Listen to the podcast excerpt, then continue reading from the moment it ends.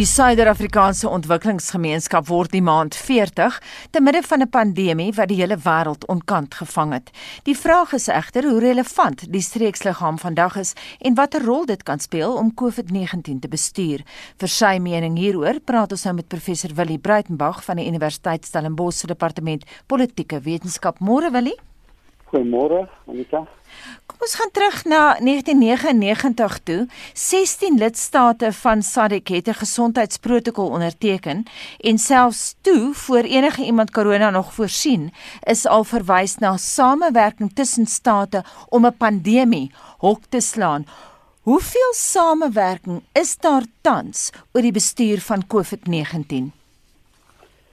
Uh, daar is nie spesifieke reëls wat uitgevaardig is deur die Suid-Afrikaanse Ontwikkelingsgemeenskap nie. Dit vind maar op 'n staat vir staat basis plaas onder die oorhoofse reëlings wat die die Wêreldgesondheidsorganisasie uitgevaardig het. Uh die 1999 protokol wat wat aangeneem was was toe uh, uh in die besonder op die virspandemie toegespits en uh dit was ook Suid-Afrika en Lesotho wat daardie leidende rolle gespeel het. Nou wil die 13 van die 16 SADC lande het reeds COVID-19 inperkings ingestel met die uitsondering van Malawi, Tansanië en uh, Zambië. Hoekom het daardie drie lande spesifiek nou nog nie gereageer op die pandemie nie? In die geval van Malawi het uh, die howe beslis dat dit uh, ongrondwettig is vir die regering om inperkings daar aan te kondig. So daar het die howe die septer geswaai. Dit is nou nogal interessant dat regsoevereiniteit in 'n land soos Malawi plaasvind, want andersins is dit nie in daardie selfde kategorie nie.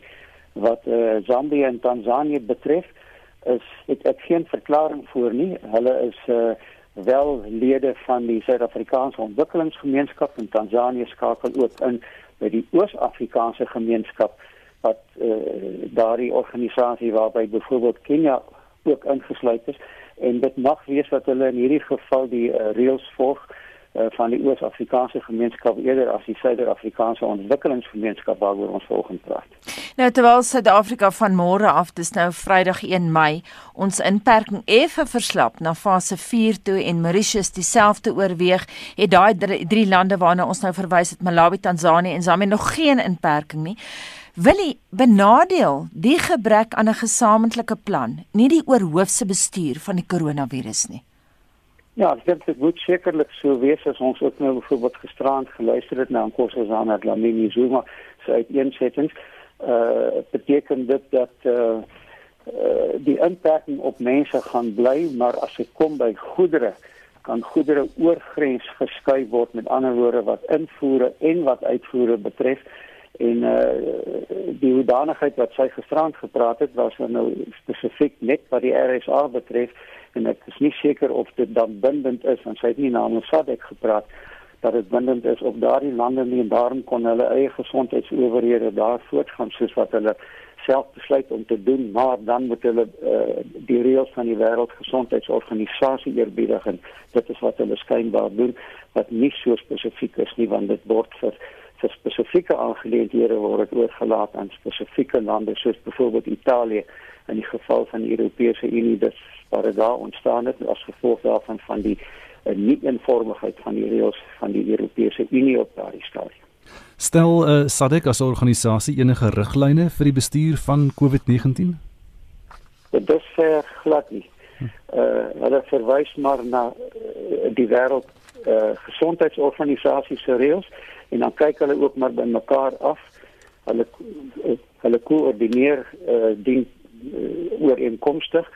Uh soos byvoorbeeld gisterand se reëls dat daar dat uh, dat daar dat oorgrenshandel invoere en uitvoere vanaf die 1 Mei sal voortgaan wat Suid-Afrika betref en uh, dit geld nie noodwendig dat byvoorbeeld daardie lande wat jy nou net genoem het nie hulle sou binne hulle eie beperkings kon optree uh, die punt wat ek gemaak het is nog steeds geldig. In die geval van Malawi is dit die uh, hoër howe wat gesê het geen inperking waarskynlik ook dis nie net van goedere nie maar van mense ook.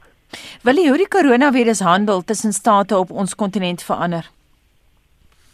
Dit moes dit sekerlik verander het veral wat die skuif die beweging van mense betref maar dit lyk vir my asof ons nou in die fase in beweeg waar as daar beperkings was op die skuif van goedere soos byvoorbeeld wyn uit Suid-Afrika uit en wat net gisterand aangekondig is uh is dat die Zimbabwese regering het aangekondig dat tabakveilings weer van vandag af voortgaan en ons weet die groot aankopers van tabak in die geval van Zimbabwe is China.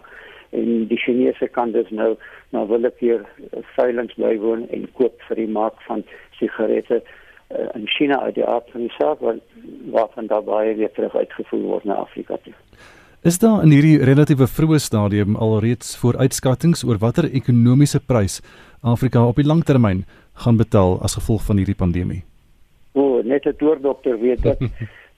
want uh, die ekonome praat van 10%, maar dit sal ook afhang van uh, hoe lande geraak word deur veral die die uh, uh, uh, vervaardiging van produkte wat in diensneming betref en die in- en uitvoer daarvan en dit verskil van Afrika land tot Afrika land. Meeste Afrika lande is uitvoerlande van minerale en metale en nie soseer van ander meer sagte ware goedere in Suid-Afrika en Mauritius, twee lidlande van SADC wat die verste gevorder is op die gebied van vervaardiging en uh, nywerheidsontwikkeling. Die res is eintlik maar mineraal uitvoerende lande met met met bittermin produksiefasiliteite vir ander meer uh, waarde toegevoegde goedere.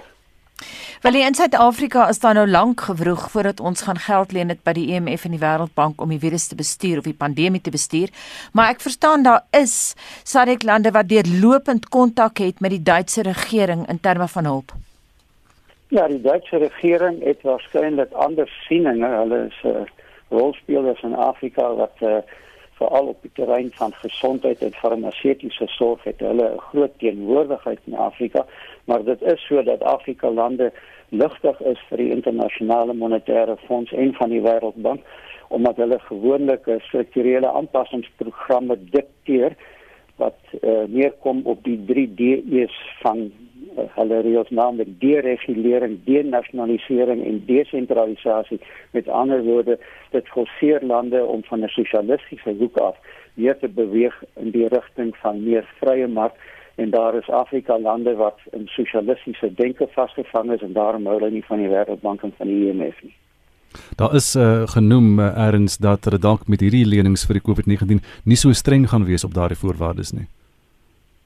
Ja, dit mag so wees. Uh ek is nou nie presies seker waar ons op hierdie oomblik staan wat dit betref nie.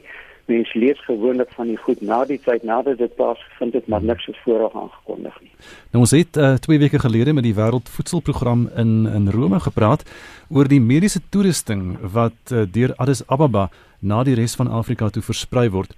Dink jy die SADC lande sal die virus wanneer hy nou sy piek bereik op 'n wyse manier kan bestuur? Ehm um, dit is eintlik nie die Afrika Unie of Afrika organisasie wat die reëls uitvaardig gevolge uh, hoe hierdie pandemie bestuur moet word nie. So dit is wat Suid-Afrikaanse ontwikkelingsgemeenskap betref, SADC betref, bestuur hulle dit ook nie. Dit is wel die regerings in oorleg met die wêreldgesondheidsorganisasies en dan met daardie soort van donateurs as dit Duitsland is wat nou nog as streng is om by die reëls van dinge te hou terwyl uh, China byvoorbeeld waarskynlik 'n ander benadering sou gehad het. Willem, ons het nou in die inleiding verwys na die feit dat die Suid-Afrikaanse Ontwikkelingsgemeenskap hierdie maand 40 jaar oud word. As jy sou moet sê, wat dink jy het daai organisasie die afgelope 4 dekades vermag? Ja, nommer 1 het hulle oorgeneem by die frontlinie state uh, wat veral gedryf was deur Zambië en Tansanië met die oog op uh, verandering van die politiek in Suid-Afrika wat wel in 1994 plaasgevind het en toe het die frontlinie state almal in die Suid-Afrikaanse ontwikkelingsgemeenskap opgegaan. Op daardie stadium was daar een ander groepering wat nou nog bestaan binne in die SADC gemeenskap dit is die Suider-Afrikaanse douane unie wat bestaan uit vyf lede uit naamlik Suid-Afrika, Botswana, Lesotho, Swaziland en Namibië. Uh en nie een van hulle het besondere protokolle oor griepspan uh, oor die siekte pandemies nie. Uh, die enigste presidente wat daar was was met die vigsprobleme in 1999 en nou is dit maar 'n geval van hulle volg hulle eie paai soos wat ons nou gisterand gehoor het dat die Malawiese howe het gesê dat uh, inperking is grond is ongrondwettig in Malawi terwyl in Zimbabwe byvoorbeeld tabakveilings kan voortgaan maar nog meer soos wat Suid-Afrikaanse wynboere nou weer kan wyn uitvoer. Hoe prominent of relevant is SADC nog in hierdie stadium? Dit is nie een van die uh, relevantste organisasies nie want hulle het nie hulle eie geld nie. Hulle hmm. hulle befonds nie projekte nie. Hulle kry lande om by mekaar te kom. Hulle het hulle eie sekretariaat en die sekretariaat is gebaseer in Botswana. As jy nou byvoorbeeld die mag en die krag en bevoegdheid van die sekretariaat in Botswana en Gaborone wat spesifiek gestasioneer is vergelyk met byvoorbeeld die sekretariaat van die Europese Unie wat in Brussel is uh die die Brusselse sekretariaat het werklik tande en hulle kan regeer. Hulle is uh nie baie sienbaar nie. Hulle is onder die radar maar die Europese Unie uh, se sekretariaat beheer en reguleer alles terwyl mens nie dieselfde kan sê van die SADC sekretariaat wat in Gaborone is nie lae profiel en en uh onder beman waarskynlik hmm. en ook waarskynlik geen personeel wat uh, gesaghebend is, is op die gebied van pandemies nie.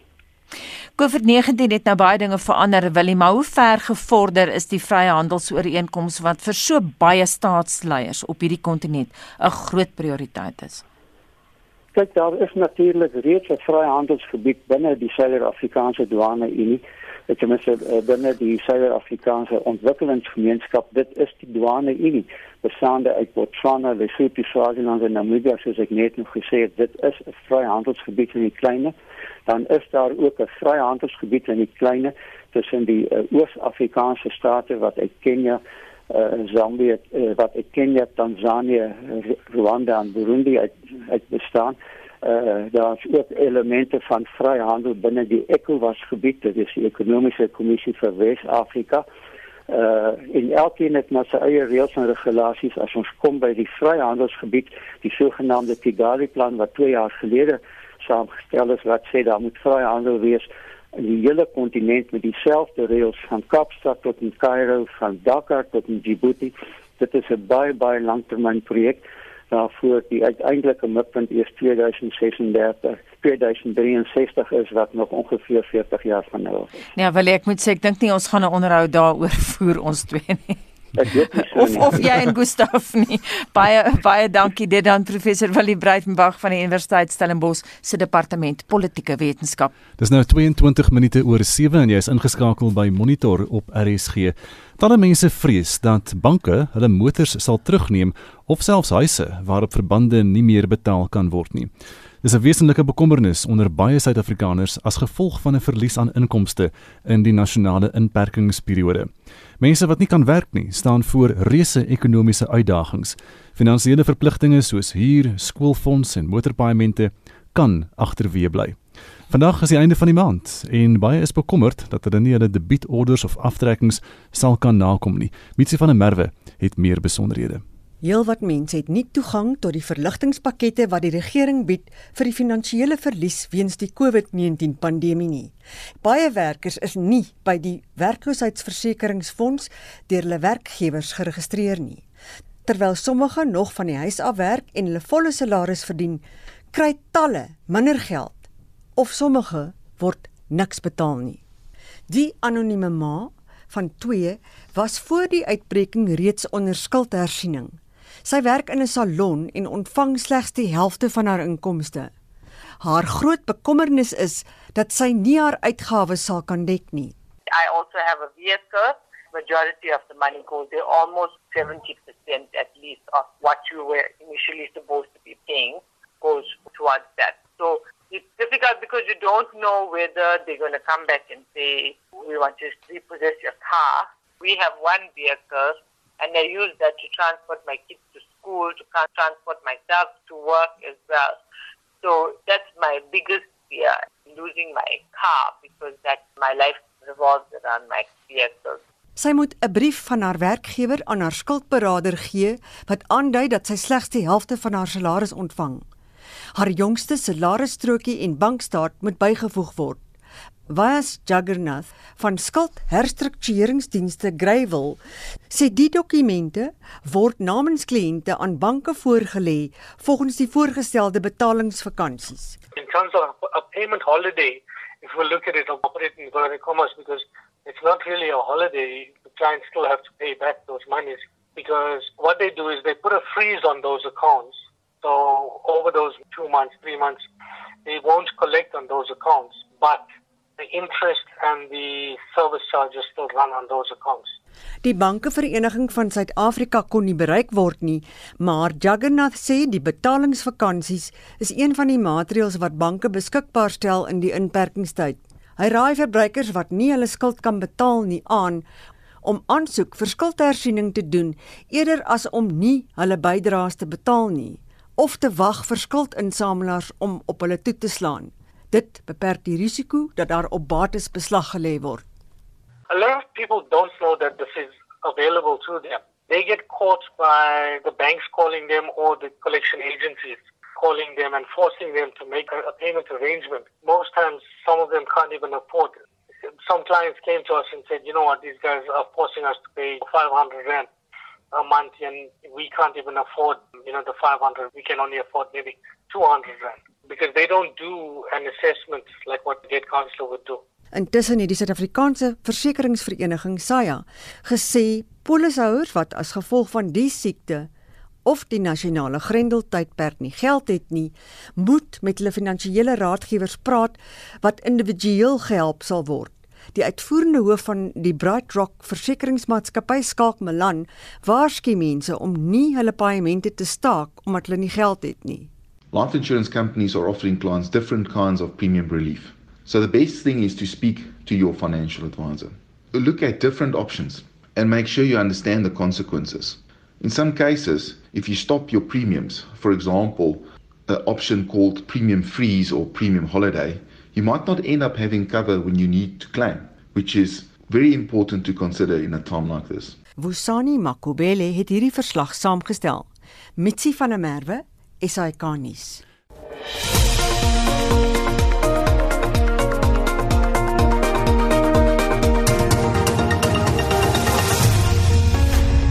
Fokus op troeteldiere vanoggend. Troeteldiere te midde van COVID-19. Winsend, hoeveel mense moes hulle diere gaan teruggee aan die DBV?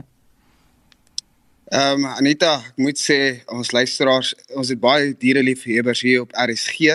Ehm um, hier is een van Johan de Klerk van Carlton van Carltonville wat sê ek het 3 honde. Hulle is my kinders, sal hulle altyd versorg en ek het 'n pragtige groot erf vir hulle. Ehm um, baie dankie. Engela Kreer sê ek dank die Vader dat ek nie in daardie bootjie is nie. My diere is my ander kinders. Nou die dag 'n uh, post op ons forum van iemand gesien wat hulp vra vir sy hondekinders aangesien hulle ook 'n baba in die huis het wat natuurlik eerste prioriteit is. Dit breek my hart dat daar mense is wat daardie besluit moet neem en hier's verder sê sy ons maak seker dat ons dierekinders eerste kos kry. Hulle het nie eintlik gevra om daar te wees nie. Albei van hulle is rescue kitties en hierdie dame het ook vir ons 'n uh, pragtige foto gestuur van haar drie katjies. Baie dankie vir daardie foto. Johan Erasmus sê ek kon vir al my diere die nodige kosse gekoop het voordat die lockdown begin het, maar ek glo as daar probleme sou wees, ander families sou maar moet help en hier's een van um Samuel Walters van Voelvlei wat sê ek het 4 honde en regtig hondekos is goedkoop. Moenie jou hond weggee. Dis verraad teen die dier. Jy kan 'n plan maak sê Samuel hierso en hier's van Rina. Ek is 'n pensionaris. Ek versorg twee honde. Hulle is nie myne nie. Bo aan my inkopieslys is hulle kos omdat hulle oud is en nie meer korrels kan kou nie, kry hulle net rys en hoenderlewers. En dan Anita verder is daar ook lekker stemnotas van ons luisteraar. Kom ons luister gou. Ek is van Moreesburg. Ek het twee katte. Hulle eet so baie, maar ek sal ook nooit ooit vir hulle sonder kos laat gaan nie. Ek sal altyd sorg dat daar vir hulle katkos is. Ek koop al die duurste katkos. Ek is so so lief vir hulle. Patrickie van van der Byl Ja, nee, ek is bly oor die vlak 4 in beperkings. Ja, weer geen rook, geen drank. Ja, nee, ek is bly daaroor. In die area waar ek bly is dit lekker stil nou, vanaf daar nie 'n gedrankery en 'n uh, en wat wat is nie. Dis al meneer ons die COVID-19 gaan wen. Sonder drank, sonder rook. Ja, dit is my hartverskeurende om te hoor dat daar mense is wat hulle diere by die DBV moet gaan afgee omdat hulle hulle nie kan kos gee nie. Dit is altyd die diertjies wat swaar kry as die mense ook swaar kry. By my is dit so dat die twee kieterkatte verstaan nie regtig hoekom is hulle ma so aan mekaar by die huis nie. En hulle volg my absoluut soos twee skade wees. Ek kan nie beweeg nie. Hulle verstaan ook iets seker nie reg nie. Maar onder die omstandighede eet hulle darm nog lekker want dit is my eerste prioriteit. En ons hoop hierdie inperking sal spoedig verbygaan en dat daardie mense wat hulle diertjies moes gaan aflewer het, hulle dalk weer kan terugkry. Is baie lekker om te hoor dat mense so lief is vir hulle diere. Gustaf, die vrou wat ek nou haar naam gemis wat gesê het, sy praat van die kieterkatte. Kieterkatte en sy koop net die duurste kos vir daai ja, twee nee, kieterkatte. Ja, dit is wonderlik om sulke luisteraars te hê. Dis nou so 24 minute voor 8 uur op monitor en wêreldnuus word vandag weer oorheers deur die opsporing, bekamping en gevolge van die COVID-19 pandemie. Ons kollega Anne Marie Jansen van Vuren het meer. Nou meer as 3 miljoen COVID-19 gevalle is reeds wêreldwyd aangekondig. Hoe hanteer politieke leiers dit Anne Marie? Gustav baie staatshoofde probeer sondaar soek, soos die Australiese eerste minister Scott Morrison wat weer gevra het dat die oorsprong van die virus ondersoek moet word. Tog in Spanje het die eerste minister Pedro Sanchez sy regering se koronavirusstrategie verdedig en gesê hy neem persoonlik aanspreeklikheid vir foute wat begaan is. Met meer as 230 000 gevalle het Spanje die tweede meeste aantal besmettings van die virus ter wêreld. Nou intussen meen kenners dat daar reeds meer Amerikaners aan die koronavirus oorlede is as wat in die Vietnamoorlog gesterf het. Ja, die FSA se sentrum vir gesondheidsstatistiek sê die aantal koronagevalle kan sowat 50% meer wees as wat in die laaste maand berig is. Volgens hulle is dit weens die feit dat baie van die mense wat aan die virus dood is, nooit mediese hulp gekry het nie en dis nooit gediagnoseer is nie. President Trump sê die sleutel is om nog mense te toets. We're testing, we're doing more testing than any other country in the world by far, which we uh we just discussed over in the Oval Office. So we're going to show more cases because we're doing much, much more testing, double anybody else. Somebody said if you add everybody else combined, that would be a number. And it will be at the, the appropriate time, it will be down to zero, like we said. Dit was die Amerikaanse president Donald Trump. Intussen het die Withuis se ekonomiese raadgewer Kevin Hastert nog slegte nuus. The next couple of months are going to look terrible. Uh, you're going to see numbers that are as bad as anything that we've ever seen. Um, I think the unemployment rate is going to jump to a level probably around 16% or even higher uh, in the next jobs report. Nou wat van Afrika, suid van die Sahara? Nou die WHO sê weens omstandighede wat verband hou met die virus, het 21 lande in die streek 'n tekort aan inentings teen masels, polio, kolera, geelkoors en meningitis. Na raming raak die enstoftekort sowat 13 miljoen mense. Dit was dan Anne Marie Jansen van Vuren met 'n opsomming van wat in die wêreld gebeur. Die dorp Ceres in die Wes-Kaap het gister 100 COVID getalle gehad en word as 'n brandpunt in die wynlande beskou. Ceres, Tulbagh, Wolseley, Obiberg en Prins Alfred Hamlet is deel van die Witzenberg munisipaliteit. Die woordvoerder van die departement gesondheidsdienste, Sandra Marits, sê verskerpte toetse kan moontlike rol speel in die hoë getal COVID-19 in die hoë COVID-19 getal in die gebied. Ons vergelyk die verskillende munisipale areas se getalle. Mm. So op hierdie stadium is daar 100 voorvalle in die Witzenberg en dit is dan nou deel van die gevalle wat in die Kaapse Wynland omgewing gemerk word. In die Kaapse Wynland het ons 155. So ja, dit is duidelik om te sien dat in die Kaapse Wynland is die Witzenberg die uitskieter. Het die departement 'n argument oor hoekom dit so is? Van die 6de April af het daar in die Weskaap gemeenskapssifting en toetsing begin en wat dit behels is dat gesondheidswerkers na mense toe gaan en met hulle praat oor hulle gesondheid en dan volgens dit bepaal hulle of die persoon getoets moet word of nie. Nou as gevolg van hierdie inisiatief het ons dus meer COVID-19 gevalle opgetel En die goeie daaraan is dat ons daardie persoon dan kan isoleer sodat daar nie nog mense aansteek nie. Hoe isoleer julle hierdie mense in Ceres se gebied? Afhangend van die persoon se spesifieke omstandighede by die huis, sal hy gevra word om daar te isoleer of om te gaan na 'n fasiliteit wat vir hom dit moontlik maak. So as iemand byvoorbeeld in 'n huis bly met baie persone en dit is nie volmoontlik om byvoorbeeld eenkant in een vertrek te wees en 'n aparte badkamer geriewe te hê nie, dan sal ons die persoon aanraai om na 'n spesifieke isolasie of kwarantyne plek te gaan. En dit is naby die persoon se woonbuurt. Het jy 'n idee hoeveel opslag eh, plekke daar is vir COVID-19 in Ceres? Ons het in hierdie stadium is daar een fasiliteit waarvan ek bewus is wat geoormerk is vir isolering en kwarantyne, maar ek sal na jou toe moet terugkom as jy wil weet breër vir die provinsie. Wat Ceres aanbetref, watse beleid pas julle nou toe daar? So seker maar ook oor die res, maar ek meen dit is nou 'n area waar daar baie gevalle is. Ja, so ons gaan nog meer van hierdie kering en toetsing doen in die gemeenskap self. Op die oomblik is ons besig met die noodsaaklike werkers by besighede. En soos jy kan dink, is hulle daagliks blootgestel aan lede van die publiek van verskeie gemeenskappe, so hulle risiko om COVID-19 te kry is groter as ander. Maar dit is belangrik mense kyk altyd na watter buurte ons die kering en toetsing doen, maar jy hoef nie te wag vir 'n gesondheidswerker om na jou toe te kom nie. As jy dink jy het COVID-19, as jy griepsimptome het, vra ons dat jy jou kliniek bel of die dokter se spreekkamer of natuurlik die nasionale hulplyn. En dan kan jy ook as jy toegang tot die internet het, kan jy kyk by www.westerncape.gov.za/coronavirus en daar kies jy die self-assessment tool. 'n Maklike manier vir jou om by die huis sommer vinnig 'n evaluering te kry van jou gesondheid. Sandra, jy het sekerlik baie probleme. Vertel ons hiervan.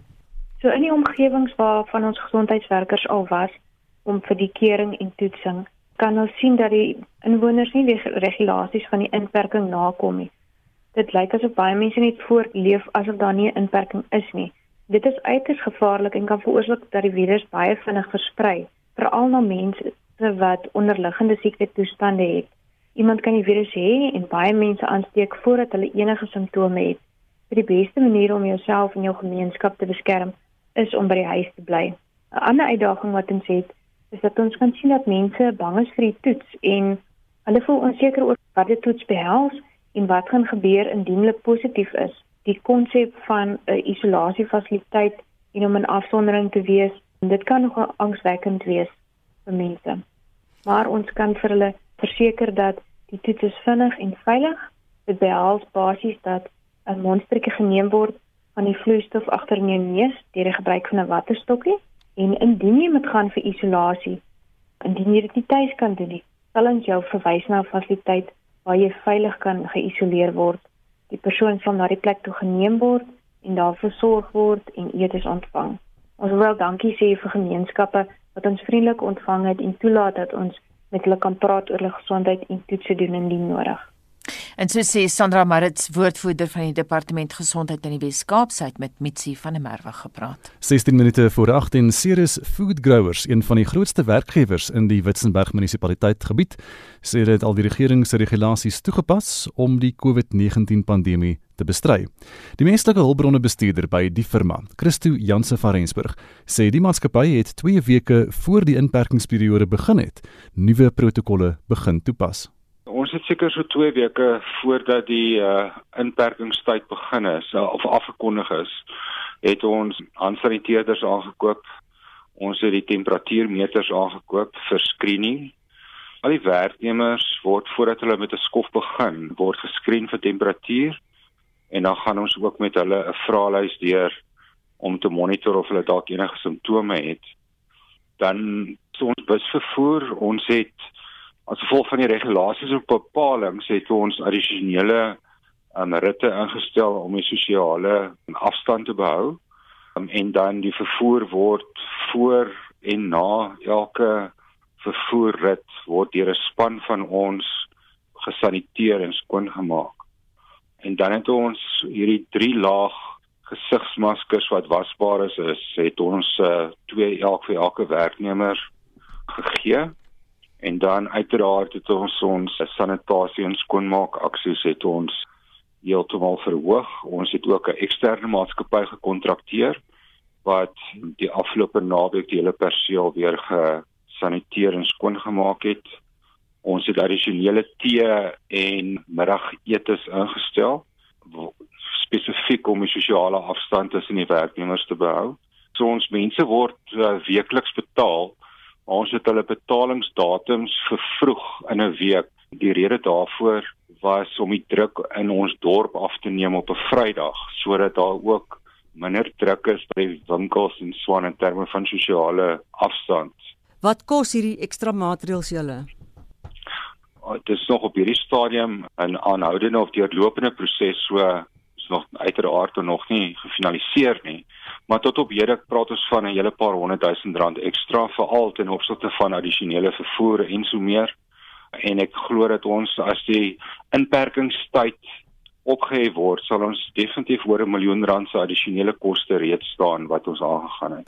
Ek het gister met die ANC skadu minister vir uh, landbou in die Kaapse wetgewer gepraat ja, met ja. hy het gesê dat daar was stories dat mense positief getoets is en dan net teruggestuur is huis toe. Wat is jou opinie oor so 'n stelling?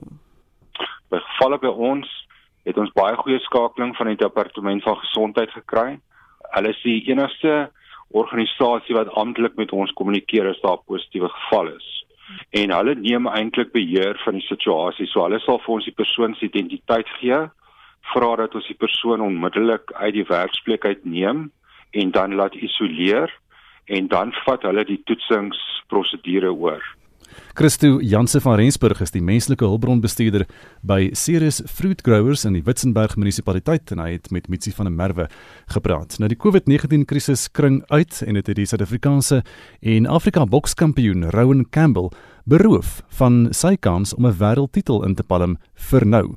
Die 26-jarige Johannesburger was geskeduleer om einde Maart teen Rusland se Evgeny Shvedenko in Duitsland te boks om die internasionale boksorganisasie se supermiddelgewig wêreldtitel. Maar Campbell se kruitnaam is nie verniet Breivaat nie. Hy sê die terugslag gaan hom meer vasbeslote as ooit maak om die kampioenskap vir Suid-Afrika en die hele vasteland te wen. Darren Taylor doen verslag. This kid can punch. Please welcome to Emperor's Palace, Rowan Campbell. Boksondersteuners onthou veral vir Campbell se opwindende geveg teen die Kongolees Patrick Mukala verlede Augustus. Dit het by Emperor's Palace naby Kempton Park plaasgevind. Maar Campbell sê daar was soveel Kongolese by die lokaal, hy het gedink hy's in Kinshasa toe hy uitdraf om te baklei. Everyone is rooting for him. The South African Congo rivalry is quite big in boxing because there's a lot of Congolese which come to South Africa to fight. Mukala se doel was om Campbell as die IBO super middelgewig kampioen van Afrika te ontroon. That was my first major fight where everyone thought I was going to lose. Rowan Campbell, if you talk about a man who can box, who can punch, that's him right there. Maar die Suid-Afrikaner se aggressiewe styl, gepaard met sy uithou vermoë, spoed en kragtige vuishoue, het die geveg weens 'n tegniese uitklophou in die 8ste ronde tot 'n einde gebring. In November het Campbell nog 'n opkomende Suid-Afrikaanse boksster, Nicholas Radley, in die kruit ontmoet. That was a catchweight. So I was the South African super middleweight champion and he was the South African light heavyweight champion. And they wanted to see who was the best out of the two of us. So I came up to fight him and then I ended up knocking him out in the fourth round. Campbell se rekord as professionele bokser lees nou 12 gevegte, 12 oorwinnings, 8 met uitklophoue. Sulke statistiek het die internasionale boksowerhede se aandag gevang en Campbell is met 'n kans beloon om die Rus Evgeny Shvedenko vir die IBO supermiddelgewig wêreldtitel einde Maart aan te vat. Maar toe die koronavirus die wêreld getref, Campbell erken die afgelope tyd was een van die moeilikste periodes in sy lewe terwyl hy geworstel het met die feit dat die geveg nie meer sou kon plaasvind nie. It really affected me because of course I wanted the world title. The doors it would have opened even on the ranking system they would have put me on the top 20 in the rankings possibly. That's a big thing for South African. Hy sê hy was fikser en sterker as ooit en vol vertroue dat hy Shvedenko sou uitslaan. Now we don't know if it's postponed or if it's cancelled, which also makes it so hard. Is there's no clarity to what's coming up in the future. Maar Campbell sê hy gaan nie langer negatief wees nie. Let's say this whole virus ends in like two months, you might get like a month notice to go fight. Hy sê hy sal gereed wees wanneer sy kans op die wêreldtitel aankom. Al mors die COVID-19 inperking met sy oefenskedule. We're not allowed to really run here and stuff like that, but I have managed to stay active. I have a whole bunch of weights. I've been skipping a lot, and I have like a bag at home. So I've been hitting it quite often and training quite regularly. Campbell sê die land se boksers het uitgeblink voordat die koronavirus alles ontwrig het. We have Kevin Lorena, who's the IBO cruiserweight champion, who's doing unbelievably. We have Tabiso Mchunu, who's also in the cruiserweight division, who's doing great. We have so many great fighters that had so many opportunities coming up. And there's so much competition at the moment, which is also great because competition helps fighters just better themselves. We just needed to get overseas a bit more. There's only a certain level you can reach here in South Africa. Yeah, you want to go to America or Britain, you know? Hy glo dis net 'n kwessie van tyd voordat 'n plaaslike bokser die sport se glorie dae terug Suid-Afrika toe bring. Every South African's kind of a fighter. We kind of like from what we see here, like the Mexicans. South Africans love to fight. So I think in a couple of years' time, South Africa will be regarded as a Mexico in regards to boxing.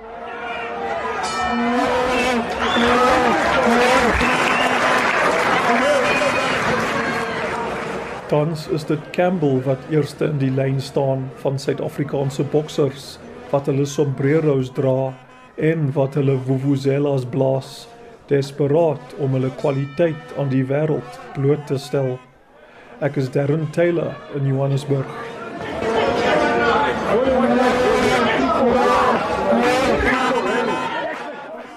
Welkom as jy laat by Monitor uh, aangesluit het. Dit is nou 7:53 en nou 'n storie wat nie COVID-19 verwant is nie. Die wenners van die Suid-Afrikaanse rolprent en TV-toekenninge, die plaaslike eweknie van die Oscars, is vroeg vanoggend aangekondig. Die gebruikelike rooi tapuit, aantrok en hakskoene moes plek maak vir pantoffels en pyjamas aangesien die pryswenners knap na middernag aangekondig is. En ons praat nou met ons hooffliek voende hier by Monitor Anne Marie Jansen van Vieren. Anne Marie, weer eens goeiemôre. Dankie Anita, môre aan jou ook. Was die aankondiging vroeg vanoggend effens van 'n antiklimaks Anne Marie? Beslis, dis nou buiten daarvoor dat dit nie die gebruikelike glansryke geleentheid was nie. Die Nasionale Film en Televisie Stichting sou oorspronklik die SAFTA wenners 5 uur gistermiddag bekend maak, maar weens tegniese probleme het hulle dit toe tot 8 uur die aand uitgestel. Nou Anita, 'n mens kan net gis wat verder skeef geloop het, want die aankondiging is toe eers na middernag gemaak. En wie was die uitblinkers in die rolprent kategorie? Knuckle City is met 6 toekenninge bekroon. Dis nou ook toevallig 'n boksrolprent fliek en ons het nou net oor boks gepraat. So hy het die toekenninge gekry insluitend beste regie, beste redigering, het dit ook met al die toekenninge vir toneelspel weggestap. Nou ons het gesien, oskies, ek wil nou net die uitsondering daar aankondig. Knuckle City het die beste manlike byspeler en beste vrou, beste manlike speler gekry, maar Poppy Ongena se Clementine Moshimane en Annemark van der Merwe het met die toekenninge weggestap as beste vroulike speler en beste vroulike byspeler. Dan het ons ook gehad Vila se kind het met die grootste toekenning van die aand of nou die oggend weggestap as beste rolprent en die regisseur is ook bekroon vir sy draaiboek vir Vila se kind. Annemarie, as ek reg onthou, het jy baie van die verhaal van Rageltjie die beer gehou en ek sien nou daai rolprent het ook met toekenninge verras. Ja, ek het gehou van die oorspronklike en mitiese gotiese manier waarop dit nou 'n welbekende verhaal aangepak het. Wat interessant is is dat die rolprent vereer word in die tegniese kategorieë beste klankontwerp, kinematografie en oorspronklike klankbaan. So Jim Petrack, Willie Nell en Chris Letcher kan hul SAFTA trofees in die pos verwag. Ons weet nou net nie wanneer dit sal wees nie. En wie was die uitskieters in die TV-kategorie? Denise Newman is bekroon as beste aktrise in 'n sepie vir haar rol in Suidooster. Getroud met rugby het lof ingepalm vir die sepie se draaiboek, terwyl Beatrix van Sail bekroon is as beste kunsregisseur vir haar werk op Arendsvlei. Leon Visser se redigering op die drama Rex Prius het ook vir hom 'n pluimpie ingepalm. Dan het die SAK se televisieprogramme ook baie toekenninge ontvang. As ek net twee kan uitsonder, die jeugprogram Hectic Free se aanbieder Entle Bisane Mane is as beste aanbieder vir 'n televisieprogram aangewys en Johan Stemmet se produksiemaatskappy is bekroon vir hul jeugprogram Words and Numbers. Baie dankie dit aan kollega Anne Marie Jansen van Vuren. Dis nou so 3 minute voor 8 amper aan die einde van monitor. Kom ons hoor gou by Vincent hoe lyk die troeteldier terugvoer Vincent. Gustaf, daar's lekker stemnotas, kom ons hoor wat sê ons luisteraars. Goeiemôre, dis Charlene hierso. My suster bly in 'n baie baie klein dorpie, Glencoe in Natal. Sy het gister vir my gesê hulle het 5 honde op die erf en hulle het net eenvoudig nie meer kos um, om vir hulle diere te gee nie. Ehm um, waar kan ek ehm um, iemand kontak om ehm um, besonderhede of hoe om die SPCA in die hande te kry want my suster sê die SPCA antwoord net eenvoudig nie hulle telefone nie. Ons hondjie genaamd Bella. Is 'n klein jockie is uh gevang deur 'n arend in die tydperk. Gaan vandag veearts toe om die laaste steke uit te haal. Um gelukkig het sy dit gemaak. Die arend het haar eentjie in die lug opgedra en haar toe laat val. Nou is haar naam verander. Sy is nie meer Bella nie.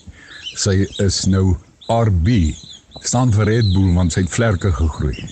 Ek dink dit is glad nie reg dat die men, ou minister nou sê ja, die sigarette mag nie gekoop word nie.